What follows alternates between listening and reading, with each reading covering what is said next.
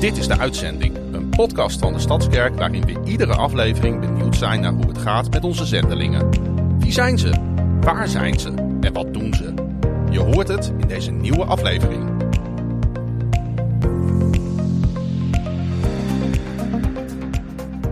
Ja, hartelijk welkom allemaal. Alweer bij de tweede uitzending van de podcast De Uitzending. Met En- een zendeling. Want eigenlijk is het de derde, toch? Eigenlijk is het de derde, met een zendeling de tweede. Maar eh, ik hoor ook een hele bekende stem weer. Anja, je bent er weer. Klopt, ik ben weer helemaal terug. Ja, wat heerlijk om je weer, eh, weer naast, eh, naast me te hebben. Wat fijn dat, dat je weer een beetje opgeknapt bent. En nou, we gaan er wat moois van maken. Zeker. Ja. Nou, we schakelen eigenlijk, we hebben ze niet in de studio, want dat is niet mogelijk. We, we schakelen ze eigenlijk naar, naar, helemaal naar een ver Scandinavisch land. Waar, ja, waar we de volgende twee mensen, eigenlijk de twee zendelingen, Onze gasten vandaag. onze gasten van vandaag hebben. Ehm, zouden jullie je voor willen stellen? Ik ben uh, Arend-Jan Poelarens, 51 jaar, getrouwd met Esther. We hebben samen uh, vier fantastische kinderen. Drie kinderen wonen in Nederland, de drie oudste meiden. Eentje hebben we hier nog bij ons, onze zoon. Um, en we werken hier in uh, Zweden als zendeling samen met uh, een plaatselijke kerk. En uh, ja, daar helpen we vooral mee met het opbouwen van dingen naast de kerk. Ik ben Esther, ik ben dus getrouwd met Arend-Jan. Ik ben 47 jaar. En uh, leuk om te weten is dat we hier ook nog een uh, meisje uit Groningen hebben, Jeska. Zij uh, heeft een tussenjaar en zij woont ook eigenlijk tijdelijk bij ons. Leuk. Nou, daar gaan we zo meteen meer van horen. Ik, ik wil iets meer over jullie weten. laten we bij Esther beginnen. Esther, kun jij heel kort je levensverhaal eens vertellen tot het moment dat jij Arend Jan ontmoet? Waar kom je vandaan? Waar ben je geboren? wat voor gezin kom je? ik ben geboren in Groningen daar heb ik ook op school gezeten. Ik heb op de MAVO gezeten. En later heb ik op, de, op uh, VMBO gezeten in Vinkhuizen. Daarna, toen ik een jaar of 17 was, heb ik de kappersopleiding gedaan. Ah. Ik ben opgegroeid in een gezin met vier kinderen. Ik heb nog twee broers en nog één zus. Die zijn allemaal ouder dan mij. Uh, en we wonen eigenlijk vlakbij het Gomaris College, waar het Gomaris College nu zit. Dus echt wel uh, lekker in de stad Groningen. Je bent echt een stadje? Ja. Oké, okay, leuk. En Arend Jan, jij dan? Uh, ik niet. Ik ben uh, opgegroeid in Kampen. Ben ik eigenlijk mijn hele leven heb ik daar uh, gewoond. Ik ben naar het uh, College in Zwolle geweest. Heb nog een jaartje opleiding voor fysiotherapeut gedaan. Maar ben daar toch maar naar de opleiding voor sportleraar gegaan. En toen ik ongeveer mee klaar was, toen, toen leerde ik Esther kennen. En ik ben opgegroeid in een gezin. Ik heb twee oudere zussen en twee jongere zussen. Dus uh, de middelste. Ja, allemaal zussen om me heen. Hmm. En uh, nou, mijn ouders die waren uh, met vrijgemaakt. Zij is nog steeds trouwd. Dus dat is een beetje het nest waar ik zeg maar uitkom. Ja. En toen jullie elkaar leerden kennen, kun je daar iets over vertellen? Oh, dat is op zich wel... ik had op een gegeven moment in de kerk, had ik een, in Kampen, had ik een meisje... Die sprak mij aan, die studeerde daar. Um, en die een keer wat mee kwam drinken. En ik had eigenlijk niet zoveel zin in. Maar ze vroeg daar nog een keer. En het was Esther ook bij. Ik denk van ja, ik kan niet met goed voorzien nog een keer zeggen van uh, ik, ik doe het niet. Dus toen ben ik meege, ja, meegegaan naar waar zij woonde. En nou, op zich was wel uh, gezellig. En op een gegeven moment, ik woonde toen op kamers in Kampen. En ik, op een gegeven moment zei ik, nou, ik, ik ga naar huis. Ik heb een vriend, die heeft het eten klaar. En toen zei ze, oh, dan gaan we mee. En toen, nou, toen ging ik, ja, dat ongeveer. En toen... Ja, toen klikte het eigenlijk wel. En het grappige is, ik ben getrouwd met uh, Esther. En die vriend is getrouwd met uh, die uh, vriendin van Esther. Dus, oh, wow. dat is wel een, een ja, apart verhaal. Oh. En, en, Est en Esther, um, jullie leerden elkaar kennen. En, en, toen meteen samen de zending in? nee joh, gek. nee. Nee, helemaal niet. Nee, dat was helemaal niet. Dat was echt een ver van ons bedshow wat dat betreft. Uh, had überhaupt niks met geloof. En uh, hij ging wat naar de kerk, maar dat deed hij eigenlijk meer om mij. Dus uh, ik heb wel de eerste jaren echt voor, voor hem gebeden. Ook dat we gewoon samen op één lijn mochten komen. Zeker toen de kinderen kwamen. Ja. Want uh, ja, ik zou het toch wel fijn vinden als we onze kinderen christelijk konden opvoeden. Maar eigenlijk heeft God ingegrepen bij ons beiden in ons leven. Ik was meer een beetje de fariseeën, zeg maar. die, nou, als ik maar hard genoeg mijn best doe, kan ik mijn plekje wel verdienen bij God. En Arend Jan die was meer eh, helemaal los van God. En die, eh, ja, we zijn eigenlijk alle twee in onze nekvel gegrepen eh, toen we een jaar of eh, rond de 30 waren, Ja, denk precies. ik. Ergens duurt nog wel even. Dus Oké, ik was bijzonder. 17 toen ik uh, Arend Jan leerde kennen. Dus eh, ik ken hem wel al heel lang. Ja. Oké, nou dan gaan... eh, Wow. Hartstikke leuk. We gaan eigenlijk over naar ons eh, eerste item. We gaan zo meteen eh, nog veel meer over jullie eh, over horen. Dus eh, ik zou zeggen, eh, start er maar in.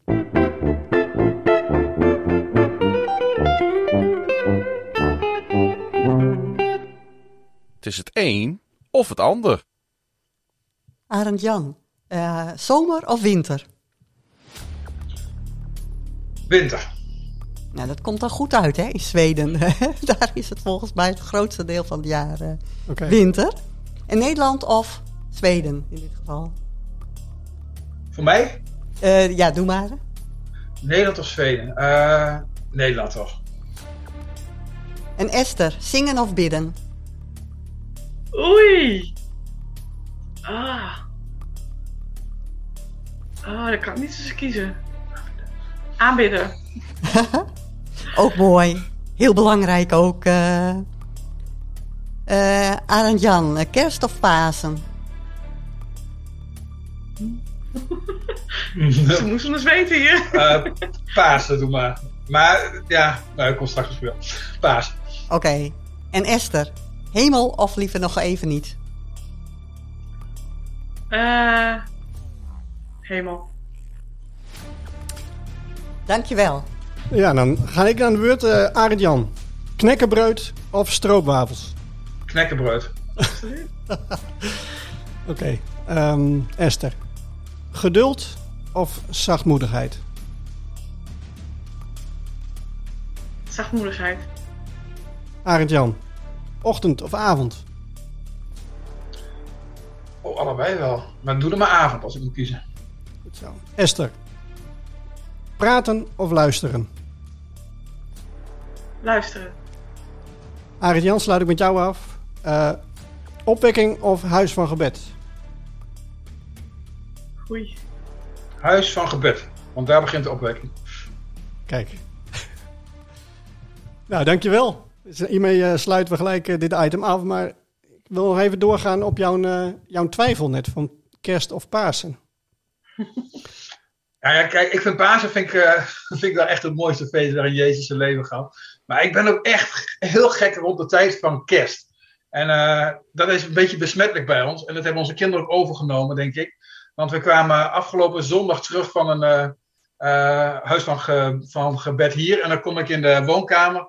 En hebben Jeska en Keelan die hebben de kerstboom al opgezet. Dus die staat bij ons hier al. Dus daarom moest ik lachen. En ehm, toen belde dezelfde avond belde mijn dochter uit Nederland. En ze zei, pap, moet je eens kijken. Heeft zij in Nederland heeft ze de kerstboom ook al staan. Dus we, hebben ook, we hebben ook wel iets met kerst en met lichtjes en met eh, het feest van het licht. Dus ja, Ja. vandaar. Is dat ook typisch... eh, eh, is dat bij jullie alleen of is dat, is dat wel typisch iets in Zweden? Dat mensen iets met kerst en lichten hebben? Eh, nee, dit Nee. vinden de Zweden ook heel raar dat wij een kerstboom in huis hebben staan nu. Ja. Want ik kan me zo voorstellen, als je in Zweden bent, dat, dat de, eh, ja, de hoeveelheid lichtdagen in het jaar wat beperkter zijn dan hier in Nederland misschien. Ja. Hè, dat dat zeker. mensen daardoor juist meer behoefte hebben aan licht om, om zich heen? Of voelen ze dat niet zo? Oh, je ziet wel net ook heel veel verlichte huizen en verlichte tuinen in Duitsland. Dus dat, ja, dat is er zeker ook wel. Maar het ligt er ook wel een beetje aan of er veel sneeuw ligt, Ja. hè? Want eh, als er veel sneeuw ligt, dat reflecteert, dat hebben we afgelopen winter echt ook zelf wel gemerkt. Dat reflecteert voldoende licht om eh, geen last te hebben dat het zo snel donker Nee. wordt. En dan Oh. s'avonds nog gewoon heerlijk buiten. Als de Oh, maan ja. schijnt en er ligt sneeuw. Ja. Bijzonder. Eh, Esther, waar, zit, waar wonen jullie in Zweden? In welk gedeelte? Wij wonen in de provincie Wermland. En dat is, eh, wij wonen in een plaatsje Schiel, dat is een klein dorpje. En dat ligt eh, vlakbij Karlstad. En hemelsbreed ligt dat eigenlijk tussen Stockholm en eh, Oslo in. Oké, is dat, geografisch is dat de, helft van Zweden voor mij? Nee, Nee, een derde. Ja. Oh ja, het is een enorme land hè? Ja, Zweden is iets van 2200 kilometer lang. Dus ja, wij zitten vanaf Malmö, nou, 600, 700 kilometer zeg maar daar eh, vanaf. Ja. En, en Arend Jan, kun je iets vertellen over de gemeenschap waar, waar jullie wonen? Wat voor... Eh, ja, wij, wij woonden dus in, een, in het gewoon plaatsje Schiel. Dat is een stadje van 12.000 inwoners, denk ik. Eh, je merkt het in Zweden, daar is de cultuur een beetje individueler nog dan in Nederland. Dus bij elkaar op uh, visite gaan en uh, eventjes binnenstappen, dat gewoon, gebeurt hier eigenlijk niet. dat is niet gebruikelijk. ze spreken wel op zich wat vaker buitenaf. Zweden zijn ook echt van de buitenactiviteiten, dat wel. Dus dat doen ze wel gewoon veel. Um, maar dat is ook een van de dingen die je dan als Nederlander misschien, misschien wel mist. Dat je denkt van, hé, hey, je hebt niet het uh, even bij elkaar langs gaan of zo, maar bij elkaar binnen gaan. En, ja, dus het is, het is, qua cultuur echt wel een heel andere de cultuur. Zweden zijn wel verschrikkelijk vriendelijk. zijn echt hele vriendelijke mensen. Uh, dat, ja, dat dan gewoon wel weer. Wel afstandelijk. Maar wel afstandelijk inderdaad dan Nederlanders. En hadden jullie dat verwacht? was dat nieuw voor jullie? En hoe, hoe uh, is dat uh, zeg maar voor jullie bediening, hè? als je daar naartoe gaat, voor wat jullie aan het doen zijn? Misschien kun u, Esther, kun, kan je daar nog iets uh, meer over vertellen? ja, we wisten het wel. We wisten wel dat Zweden een gesloten cultuur had en dat het niet heel makkelijk is om diepgaande gesprekken te hebben met mensen. Maar, um, en dat maakt het ook wel heel erg lastig om, om echt in gesprek te komen met mensen van hart tot hart, zeg maar. Mm -hmm. Ja, en de coronatijd heeft het natuurlijk ook wel bemoeilijkt. Omdat er heel weinig mensen samenkwamen. En ja, qua vriendschappen is het gewoon veel moeilijker om vriendschappen op te bouwen. ja, de, ik, ik heb nog niet echt ontdekt hoe je dat moet doen. We, hebben, we, we, ja, we leunen eigenlijk nog steeds op de vriendschappen die we, die we de afgelopen tien jaren dat we hierheen gingen um, opgebouwd hebben. En eigenlijk niet echt veel eh, nieuwe vriendschappen erbij uh, kunnen bouwen. Wel relatie bouwen, dat wel. Mm -hmm. Maar dat je gewoon gezellig bij elkaar thuis komt, dat is er dan weer niet. En dat doen ze überhaupt ook niet echt heel erg veel. Dus we hebben ook wel met uh, gewoon Zweden hier en die zeggen van ja, wat bij ons in huis komt is meestal familie zelf. Mm -hmm. Maar mensen van buitenaf die komen eigenlijk gewoon niet in je huis. Dat is, nee. Dus dat doen ze bij elkaar ook niet? Nee. nee. nee. nee. nee. Want daar hebben we denk ik nog niet over gehad. Jullie zitten, hè, Esther, je noemde het al even, sinds corona eigenlijk uh, in Zweden. Dus dat is ook net een ja, bijzondere periode geweest natuurlijk om een bediening uh, op te bouwen. Maar kunnen jullie ook iets meer vertellen over jullie bediening, visie, missie? Um, Zeker. Ja. Oké, okay, ja. Uh, ja, we gaan elkaar weer aanvullen. ons ons idee is vooral, wij zijn vooral gericht op uh, discipelschap. Dus gewoon mensen zeg maar, bij Jezus brengen. En dan ook weer mensen leren van hoe je discipel van Jezus bent. Zodat ze ook weer mensen bij Jezus brengen die weer discipelen maken. Mm -hmm. Eigenlijk dat uh, gewoon door. Nou, in Zweden heb je heel veel, uh, ja, je kunt heel goed merken dat er een staatskerk is geweest tot een jaar of tien terug. Um, je hebt heel veel cultuurchristendom. Het, het percentage christenen in deze omgeving zit denk ik onder de 4%. Dus dat is echt heel erg, heel erg gewoon laag. Uh, christelijke scholen heb je er eigenlijk niet. Dus mensen weten ook eigenlijk van geloof heel weinig af. En ons idee is eigenlijk, uh, wat we hier aan doen zijn, is eigenlijk verschillend. Uh, we zijn aan de ene kant bezig met het opzetten van huisgroepen, huiskerken.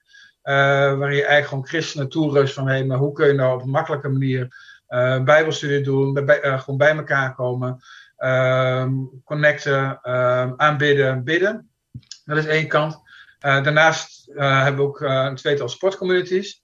Uh, dat is echt ook naar buiten toe. Van hoe kun je nou via sport mensen bereiken die je anders als uh, kerk niet uh, bereikt. Want de kerk gaat zelf niet zo heel veel naar buiten toe en ook het evangelie vertellen. Um, en daarin ja, hebben we wekelijks bij de kinderen, nou, tussen de 20 en 30 kinderen die we treffen. Jongeren loopt op dit moment wat lastiger. Dus dat is echt weer zoeken naar van hey, welke plek kun je daarin gewoon vinden om jongeren te bereiken. Uh, maar vooral inderdaad die huiskerken, sport, de sportcommunities, dat zijn de dingen die we vooral hier opgezet hebben. Ja, en qua jongeren zijn we wel bezig om uh, te kijken of we het breder kunnen trekken. Dus we zijn vooral aan het netwerken met dorpen om ons heen, die misschien uh, soms wel 50 kilometer verderop liggen. Om te kijken of we dan samen jongerendiensten voor de regio uh, kunnen, kunnen organiseren, waar jongeren dan heen kunnen. En daar hebben we inmiddels ook de eerste van gehad. Ja. En dat, uh, nou, er waren ruim 100, 100 jongeren die daar uh, gewoon uit de regio op afkwamen. Maar kun je eens een voorbeeld noemen dan van hoe je dan uh, concreet de mensen gaat benaderen? Want ik neem aan dat je niet met een kistje op de markt gaat staan. Oh, dat vind ik ook prima. Nee, we hebben trouwens, dat staat met uh, kaneelbulat. Dat zijn Zweedse broodjes staan. Dat doen we wel. Op de vrijdagavond inderdaad gaan we ook wel de gewoon straat op. En dan okay. inderdaad connecten met jongeren. Want je hebt best wel veel uh, zeg maar jongeren die met een soort oude auto's dan rondrijden op de vrijdagavond. En dat doen ze ook de hele avond.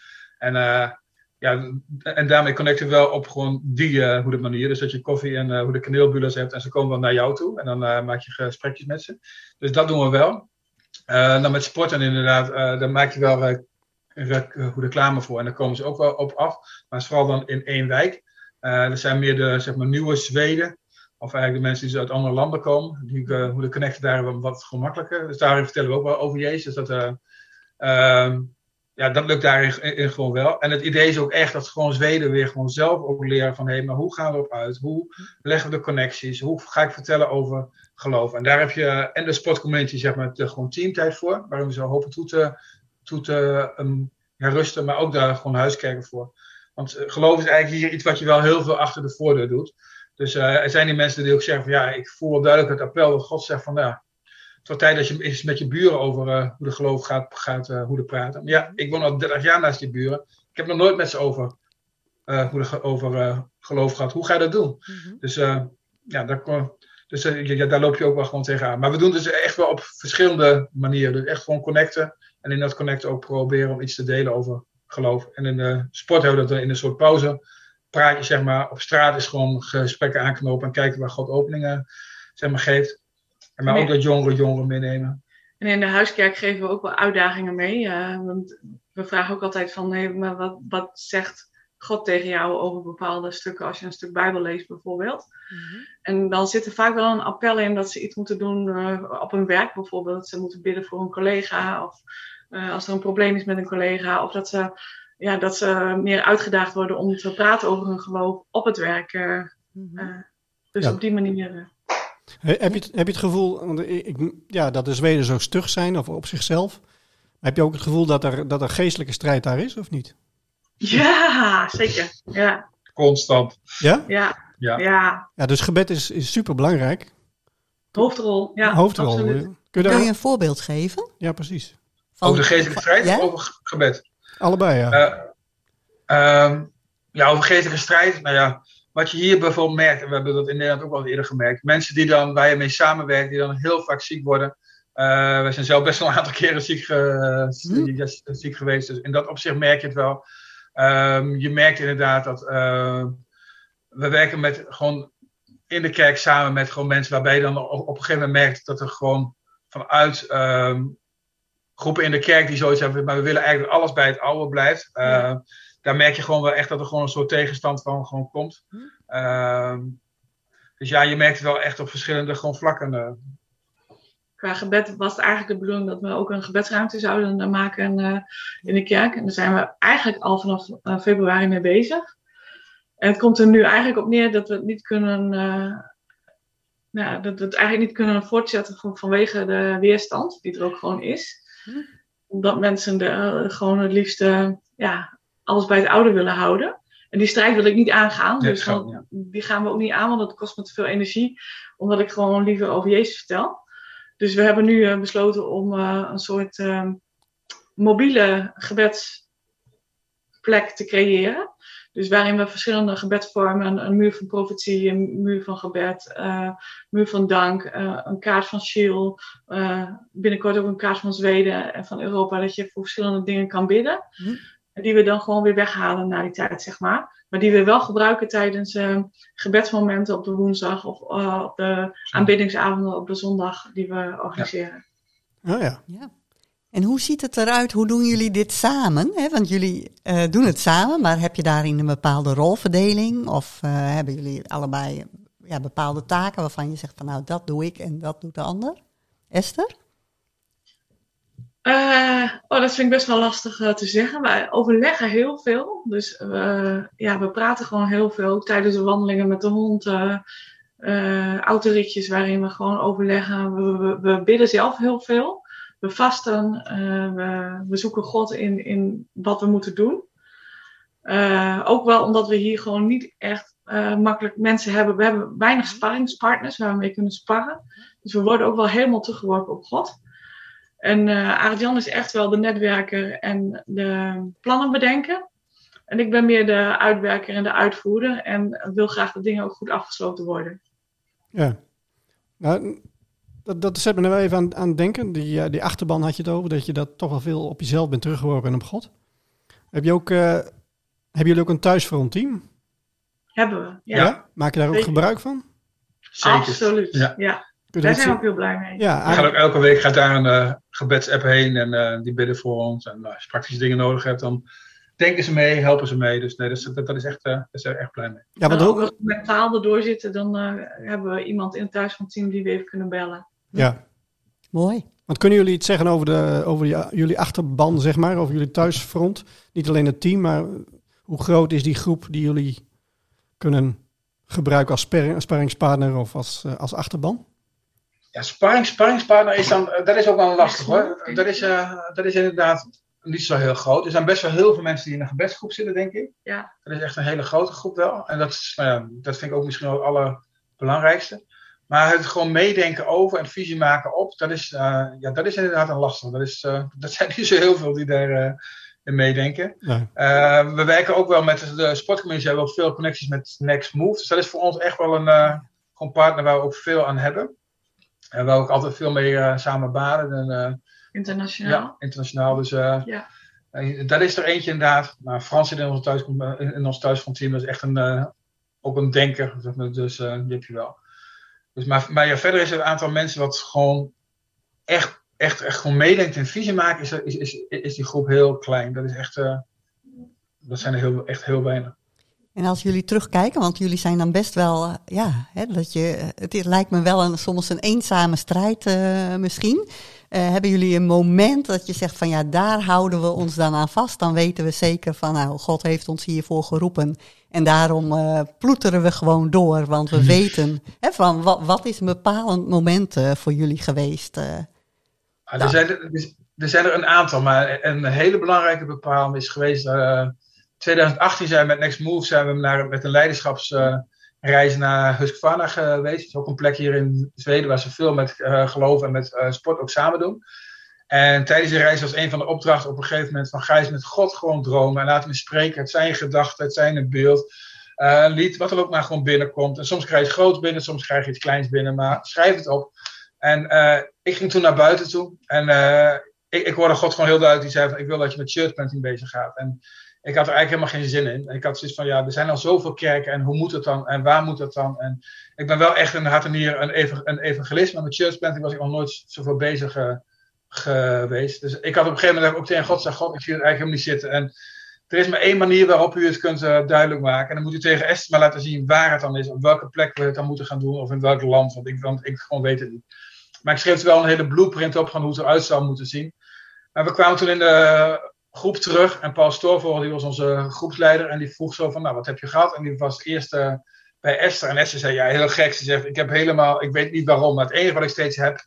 En eigenlijk al van, ja, voor de opdracht, maar tijdens de opdracht ook. Ik krijg steeds drie vlaggen. En één vlag ken ik, dat is de vlag van Zweden. En die andere twee vlaggen moest ik opzoeken. Dat was Denemarken, IJsland. Dus toen begon ik al heel hard te lachen. Dat ik dacht van, ja, dank u wel. Maar ik voel heel duidelijk van, eh, laat Esther maar zien waar het is. En dan vertel ik pas wat we gaan doen. Dus dat is voor ons echt wel een moment waarin we allebei het zo duidelijk voelen dat God het op ons hart legde. Van dit is waar we gewoon, ja, wat we moeten doen. We moeten echt in die landen moeten we bezig gaan. En eh, ja, dus dat is ook wel iets waar we op steeds op gewoon terugpakken. Ja, we hadden elkaar ook niet gesproken voor Nee. die tijd. Dus eh, dat was ook een eh, ding. En voor mij heb ik, eh, in, want deze droom speelt al heel lang. Het speelt al tien jaar. En voor mij is dat ook echt wel bepalend geweest, wat, waar ik me nu nog steeds aan vasthoud. Is dat er is een periode geweest dat Adrian ziek was. Die is twee jaar erg, nou, waarvan één jaar in ieder geval ernstig ziek is geweest. Waarvan ik echt heb gedacht van, nou, ik weet allemaal niet meer hoe het verder moet met Zweden. En toen heb ik heel duidelijk een beeld van God eh, gekregen over dat ik bij de zee stond. En eh, dat God eigenlijk eh, het beeld liet zien, of eigenlijk aan mij vroeg. Geloof jij dat ik die zee voor jou kan splijten en dat ik daar een pad door kan maken? En dat ik ja, Mm. achter die horizon dingen voor jou aan het voorbereiden ben. Mm. En toen dacht ik van ja, als u dat bij Mozes kan, dan kan u dat bij mij ook. En dat is nog steeds iets waar ik me aan vasthoud en wat ook regelmatig nog weer terugkomt. Bijzonder. Ja. Echt. eh, nou, en ook respect, hè? Van eh, ja, dat jullie ondanks alle tegenwerking, ondanks de weerstand, eh, toch gewoon doorzetten. En ook wat jullie in die beperkte tijd en dan ook nog in de coronatijd allemaal eh, op poten hebben kunnen zetten. Als ik eh, jullie nieuws lees en jullie gebedsapp, dan denk ik echt van wauw. Dat, dat, dat, hè, soms voelt het misschien heel erg alsof je hè, echt aan het ploeteren bent en is het pittig en zwaar. En dan zie je soms ook niet allemaal hè, wat er al is. Maar ja, ik denk dat jullie echt heel veel hebben gedaan hè, de afgelopen periode. Kunnen jullie ook iets vertellen over hoe, hoe jullie de toekomst zien, waar jullie nu staan? Oei. Dat is wel een. Uh, dat, is wel mooi. Nee, nou, aan de ene kant lastig, aan de andere kant wel mooi. We hebben dus nog één zoon bij ons, Kelan. En Kelan die heeft hier zeg maar zijn school afgemaakt. Ehm, en hij heeft op alle vakken een voldoende gehad, behalve op één vak en een Zweeds. En het gevolg is dat hij dus eigenlijk niet met een volgstudie verder kan. Dus hij sinds dit jaar is hij begonnen op een MBO in Nederland, nu online. Maar hij moet gewoon straks uh, voor zijn studie terug naar Nederland toe. En het gevolg is ook dat wij uh, vanaf eigenlijk eind december ook uh, eerst weer gewoon naar Nederland terug gaan. En als het, ja, we zijn dus nu vooral in de tijd aan het zoeken van, heer, hoe kunnen we zending Zweden combineren met wonen in Nederland? Dus we hebben altijd vanaf begin af aan gezegd, we gaan onze kinderen niet offeren op het uh, altaar van zending. Dat is denk ik vroeger heel vaak wel gebeurd. En uh, dit hebben we gewoon biddend gewoon gedaan. En, uh, ook in overleg met de kinderen. En ook, oh, ja, precies. Ja. En, dus het is nu weer gewoon zoeken van, hé, hey, maar hoe kunnen we met zending verder? En nou, God is wel aan het spreken, maar het is voor ons dan nog niet duidelijk van hoe het er dan precies uit gaat zien. Dus eigenlijk weer een hele onzekere, spannende tijd die er, mm -hmm. die er aankomt. Ja. Ik ben wel even benieuwd. Het, het leven als zendeling, uh, ik, ik, merk in jullie verhaal dat, uh, dat het ook een, een, reis is hè, met God. Van hoe, ja. hoe, maakt hij dingen duidelijk in de loop der jaren en welke kant moeten we op? En wat, wat doet dat met je, met je relatie tot God? Is dat, versterkt dat juist steeds? Of zeg je van nou, ik, of misschien wel juist niet? Of wat, wat groei je daarin? Of hoe, uh, hoe is dat voor jou persoonlijk, Esther? nou, je wordt heel teruggeworpen op God. En uh, dat maakt gewoon dat je hem ook zoekt. Want ja, ik weet het ook niet. Ik weet ook niet hoe het hier werkt. En ik wil ook niet mijn Nederlandse cultuur hier opdringen aan al die Zweden. Nee. Uh, en tegelijkertijd zijn er in de Zweedse cultuur ook dingen waarvan ik denk, nou, dat mag echt wel veranderen. Dus ja, je, je bent uh, aan het zoeken naar een Jezuscultuur. En die je vanuit de Bijbel ook kan onderbouwen. Um, en kan, kan, ja, dat je zo samen ook met de Zweden op zoek kan zijn van hé, hey, maar, maar wat, wat dan wel? Mm -hmm. En ja, we zijn er wel achter gekomen uh, dat gebed echt wel een grote, ja, dat speelt eigenlijk de hoofdrol in ons persoonlijk leven. Uh, uh, maar ook daarin willen we heel graag de, de Zwitserse mensen hier meenemen. Want die cultuur van gebed en van aanbidding is in de gemeente waar wij mee samenwerking nou, dat... Uh... Maar de vraag was wat het met jouw geloof deed. Ja, ja. jouw relatie ja. met God. Ja. Mijn relatie met God. Ja, jouw relatie met God. Weet je wat ik het mooiste vind aan alles? Je brengt alles bij God. En bij alles waarvan ik denk van... Ja, jongens, dit gaat nooit lukken, menselijke wijs. Dan laat God zien dat het wel lukt. Dus mm. je geloof in God wordt steeds groter. Dus het bouwt alleen maar op. En dat maakt ook dat je steeds meer uh, anderen zo'n relatie met God gunt. Mm -hmm. Ik wou zeggen, wat je, wat je echt gewoon door de tijd heen merkt, is. Uh, je kunt best wel teleurgesteld zijn. En dat, dat, heeft soms met jezelf te maken, heeft soms met de mensen om je heen te maken, soms gewoon met de omstandigheden te maken. Maar in alles kunnen we wel gewoon zeggen: God, God is goed. God is goed. God is goed. En Jezus ja. is nog steeds gewoon echt fantastisch als je die lid kent. En dat, en, dat, en dat blijft ook zo. En dat verandert niet door, door de um, omstandigheden die uh, zeg maar om je heen gebeuren. Nee. Want uh, ja, maar God voorziet in alles. God voorziet altijd. Ja. Als, als ik naar de verhoorde gebeden kijk, uh, we, de, we, hebben natuurlijk regelmatig gebedspunten. Uh, ik begin meestal met de dankpunten in een gebedsapp. Maar als ik zie uh, hoeveel dankpunten voortkomen uit gebedspunten, mm -hmm. ja, dat bouwt alleen maar op. Ja. Mooi. Mooi om te horen ook. En Arend Jan, voor jou als man eerst van God los, hoorde ik net van Esther. En nu, ja, en nu een man van God. Mm. Wat vergelijk je dat nog wel eens, die twee werelden? Denk je van waar je vandaan komt en. Jazeker, ja. En uh, kijk, bij, bij mij is het eigenlijk nooit een twijfel geweest of, of God wel bestond, of dat er niet bestond. Ik geloof wel dat er een God was. Maar ik had zoiets van, ik, ik, ik, ik wil er eigenlijk gewoon niks mee te, maken hebben. En dat heeft, heeft er deels mee te maken dat dat ik, ja, zeg maar, mijn beeld van God en de kerk stond ongeveer één op één bij elkaar. Nou ja, als je dan de hemel zou dan een soort eeuwige kerkdienst zijn. Ik vond een kerkdienst van een uur al veel te lang, dus ik hoefde ook niet naar de hemel toe. Ik had zoiets laat maar. En bij mij veranderde echt gewoon alles toen ik op een gegeven moment Jezus leerde kennen.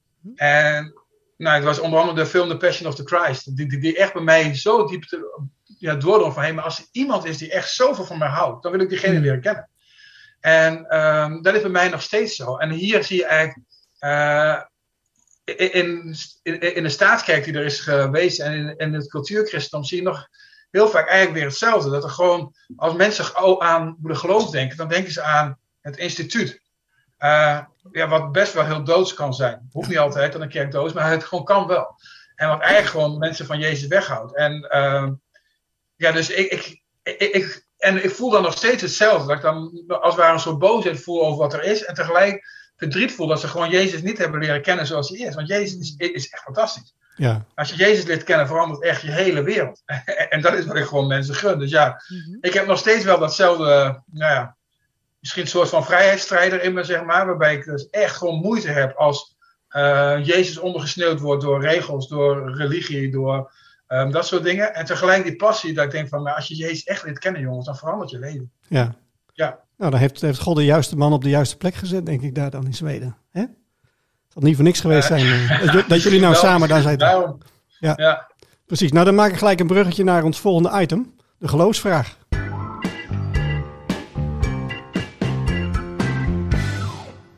De geloofsvraag. Ja, komt-ie. Um, jullie mogen hem allebei beantwoorden. Vul mijn kamer aan. Um, God is iemand die, die houdt van af en toe even stilstaan bij momenten die gedenkwaardig zijn. Een gedenksteen oprichten. Denk maar aan het volk van Israël, wat onder andere de Jordaan natuurlijk uh, overstak om naar het beloofde land te gaan. Zo zijn er verschillende momenten dat, uh, dat God het belangrijk vindt om ergens bij stil te staan.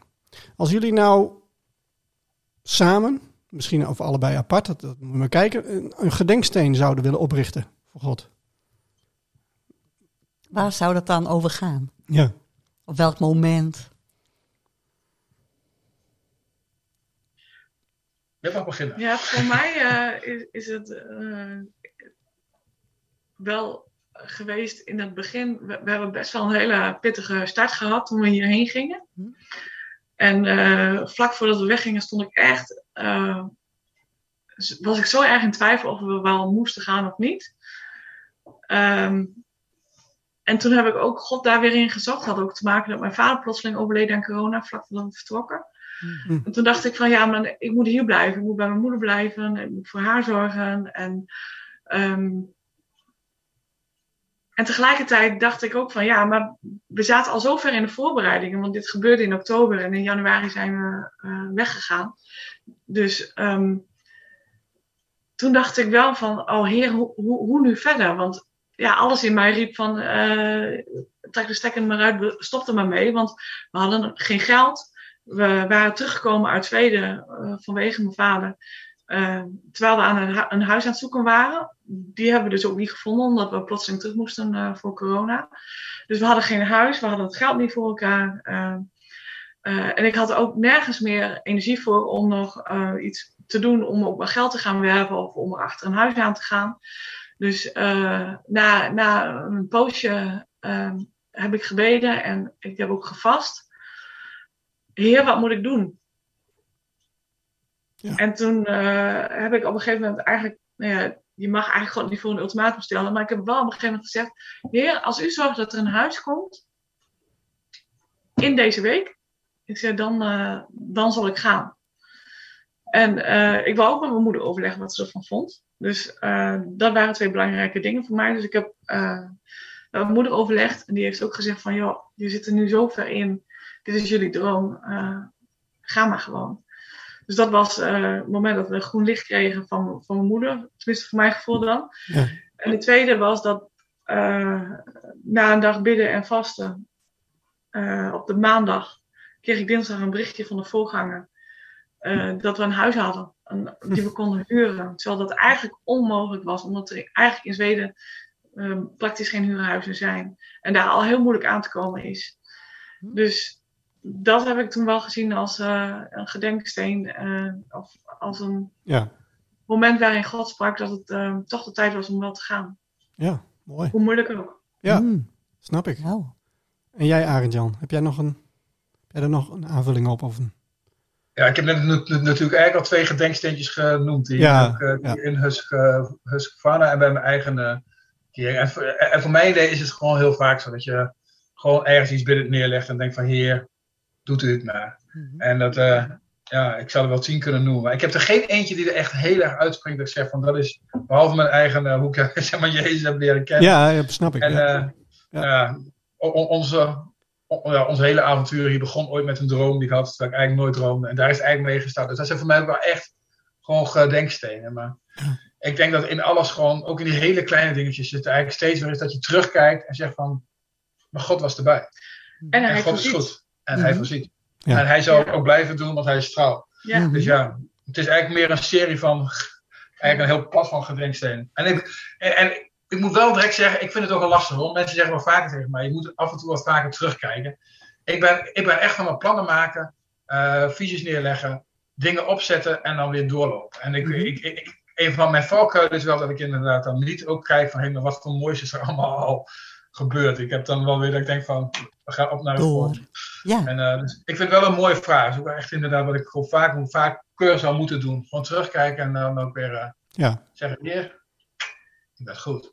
Als ik het ook, ook in, in, in, in twee woorden zou moeten beschrijven, zou ik toch ook zeggen Godvoorzienigheid. Want eh, ja, dat geldt ook. Dat was ook. eh, we moesten echt nog 20.000 eh, euro in oktober voordat we weggingen.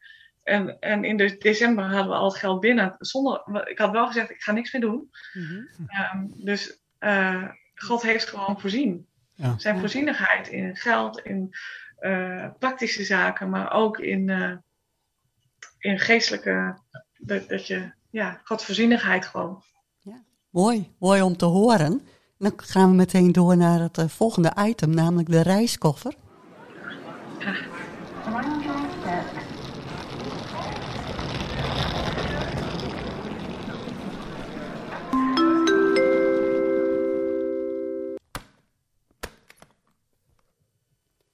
Want toen gingen jullie ook echt.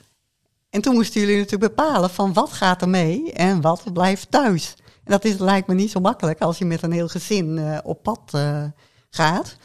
Eh, de dingen die er al in zitten van de vorige keren. Een bijbel, uiteraard. Een cadeau uit Nederland. Foto van familie en vrienden. Een grote zak drop. Kleding. Zonnebril. Wandelschoenen. Aanbiddingsmuziek. Een leesboek. En stroopwafels. En eh, Esther, wat mag eruit en wat moet erin? Eh, de stroopwafels mogen eruit voor mij. Eh, en wat mag erin?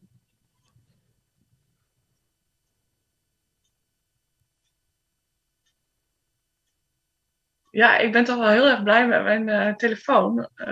Ja, die stop je natuurlijk niet in een koffer misschien. Maar waar ik eh, zelf heel erg blij ben, is dat je de mobiele verbinding eh, zo makkelijk kan maken. Mm. Video, nu hebben we ook een videoverbinding. Ja. Eh, eh, dat we op die manier nog steeds contact kunnen hebben met, eh, met onze kinderen. Ja, dat, Ja. dat vind ik echt, echt een zegen. Dus iets van een tablet of laptop zou ik dan eh, erin stoppen. Ja. En jij, Arend Jan? Ja, ik zit eigenlijk te twijfelen tussen twee dingen. Ik zou mijn gitaar sowieso wel meenemen. Maar ik zou ook wel wat sportspullen meenemen. Want ik, ik denk dat allebei eh, twee talen zijn die, eh, ja, waarin je God hartstikke mooi kunt prijzen. En, eh, wat gaat eruit dan? Ja, ik, ik, ik, ben als eerste, dus ik gooi eerst een zak erop eruit dan. denk ik. Dus, Ja, ik jouw stroopwafels, dus oh dat is ja, wel nou, terecht. prima, dat is op zich goed. Dan zijn de stroopwafels en drop eruit en dan eh, is er wat sportspullen mee. En, eh, nee, je hebt een laptop mee. Maar ik zou dan denk ik toch eh, sportspullen meenemen. Want eh, zonder sporten, dat is voor mij wel heel lastig. En gitaar vind ik ook wel een dingetje hoor. Zo. Ja, Ja, die past ook niet in de koffer, ja. Nou, vooruit dan. Die mag erbij. Oké. Nou, dan sluiten we de koffer weer. En dan is hij, eh, gaat hij mee naar de volgende eh, zendeling. Ehm, we hebben nog een verrassing voor jullie. Dus, eh, luister maar. Hey, lieve, leuke mensen. Hallo. Ja, even een bemoediging van deze kant. En ehm, wat moet ik zeggen? Dat jullie gewoon toppers zijn? Ja, dat moet ik zeggen. Want jullie zijn echt toppers. Wat er ook gebeurt, jullie gaan door en vertrouwen op God. En dat is zo'n goed voorbeeld. Dat is echt fantastisch. En jullie zouden echt een zegen zijn voor alle mensen om jullie heen. Dat weet ik zeker. Zoals jullie dat ook voor mij zijn geweest en nog steeds zijn. hey, heb het goed. En um, nou, tot horens. Doei doeg. Oh, leuk. Leuk, leuk, leuk. Lieve Arend, Jan en Esther. Wat dank ik de Heer dat ik heb jullie heb leren kennen. Frans. In het mooie Frankrijk, op de mooie camping. Mooie omgeving, maar vooral mooie harten die ik kon zien, die jullie toonden. Dankjewel dat ik onderdeel mag zijn van jullie uh, bediening, van jullie gezin, van jullie roeping. En ik wil jullie bemoedigen met Filippenzen 3, vers 14, 15 en 16. De ingeslagen weg. Laat je niet afleiden. God is met je. En Hij heeft een plan. Jaren geleden uitgestort in jullie leven. En ik wens jullie veel succes met het verder ontdekken van uh, zijn pad op jullie mooie wegen. Fransje. Komt er nog een hoor. Goedemiddag, familie Polarens. Hey, ik wil ook even zeggen dat ik ontzettend trots op jullie ben. Wat jullie doen, wat jullie neerzetten en hoe jullie jullie talenten gebruiken in Zweden. Hey, um, ik wens jullie nog een hele goede tijd en ook veel plezier met het opnemen van de podcast. En uh, de groetjes van hier. Hey, doeg doeg. Superleuk. Gonnie, ja, nog eentje leuk. hoor. Nog één. Hey Arend, Jan en Esther. Uh, Hey. Wij wouden jullie ook even een uh, berichtje sturen om jullie te bemoedigen. En uh, ja, we hebben daarbij ook een Bijbeltekst. Wees niet bang, want ik ben met u. Kijk niet angstig om u heen, want ik ben uw God. Ik zal u kracht geven en u helpen. Ik zal u overeind houden met mijn heilrijke hand. Ja, we wensen jullie heel veel zegen bij jullie verdere missie. En ja, we hopen jullie snel weer te spreken. Groetjes. Nou, Oh, Nou, dat was het. superleuk. is echt leuk. En dan zijn we er ook alweer. Heel leuk om jullie zo eh, te spreken, ook al is het eh, op afstand. Maar de podcast eh, zit erop. Zijn er, is er nog iets wat jullie als afsluiting aan ons mee willen geven? Van de luisteraars? Ehm, als afsluiting, ja. Als afsluiting zou ik zeggen, zoek inderdaad echt hoe je in je eigen omgeving mensen kunt bemoedigen, mensen kunt vertellen van Jezus. En als christen hebben we zo'n fantastische boodschap. Hmm. Hou je niet stil. En als je niet weet hoe het gewoon moet, ga bij anderen en leren, want dat is discipelschap. Dat zou mijn boodschap echt gewoon zijn. En jij Esther? En bid. Bid. Ja, vooral eh, gebed is echt, eh, is echt de sleutel in alles volgens mij. En ik denk echt oprecht, hier in Zweden zeker, als de kerken meer op hun knieën zouden. Eh, meer eh, tijd voor gebed en smeking en eh, laten horen wat we graag zouden willen, dan eh, ja, vele opwekkingen ontstaan uit gebed. Dus dat is echt wel eh, Mooi, dankjewel. Heel erg bedankt dat jullie er waren. Vond het heel leuk om jullie zo een beetje beter te leren kennen en zo met jullie in gesprek te gaan. En eh, nou ja, tot de volgende keer. Dankjewel, dat was Dankjewel, leuk. dat was echt leuk. Ja, Ja, dankjewel hè. En eh, hopen jullie weer te spreken als jullie in Nederland zijn. Zeker, doen we. absoluut. Ja. Goed, dan ga ik deze podcast afsluiten. We zijn er over vier weken weer met eh, weer hopelijk nieuwe zendelingen. Uiteraard zal het, eh, zal het weer een hele andere uitzending worden. Ben je nieuwsgierig? Wil je meer weten te komen over onze zendelingen? Ga dan naar onze website via de stadskerk.nl slash zendelingen. Eh, ook kun je daar actuele updates lezen over eh, mijn stadskerk, eh, ons, ons internetplatform. Maar iedere zendeling heeft er ook zijn eigen, eh, eigen site. Wil je reageren? Dat kan ook via podcast.destadskerk.nl. En tot slot mensen, weet dit. We zijn allemaal geroepen en gezonden om de liefde van Jezus te verspreiden. God zegen.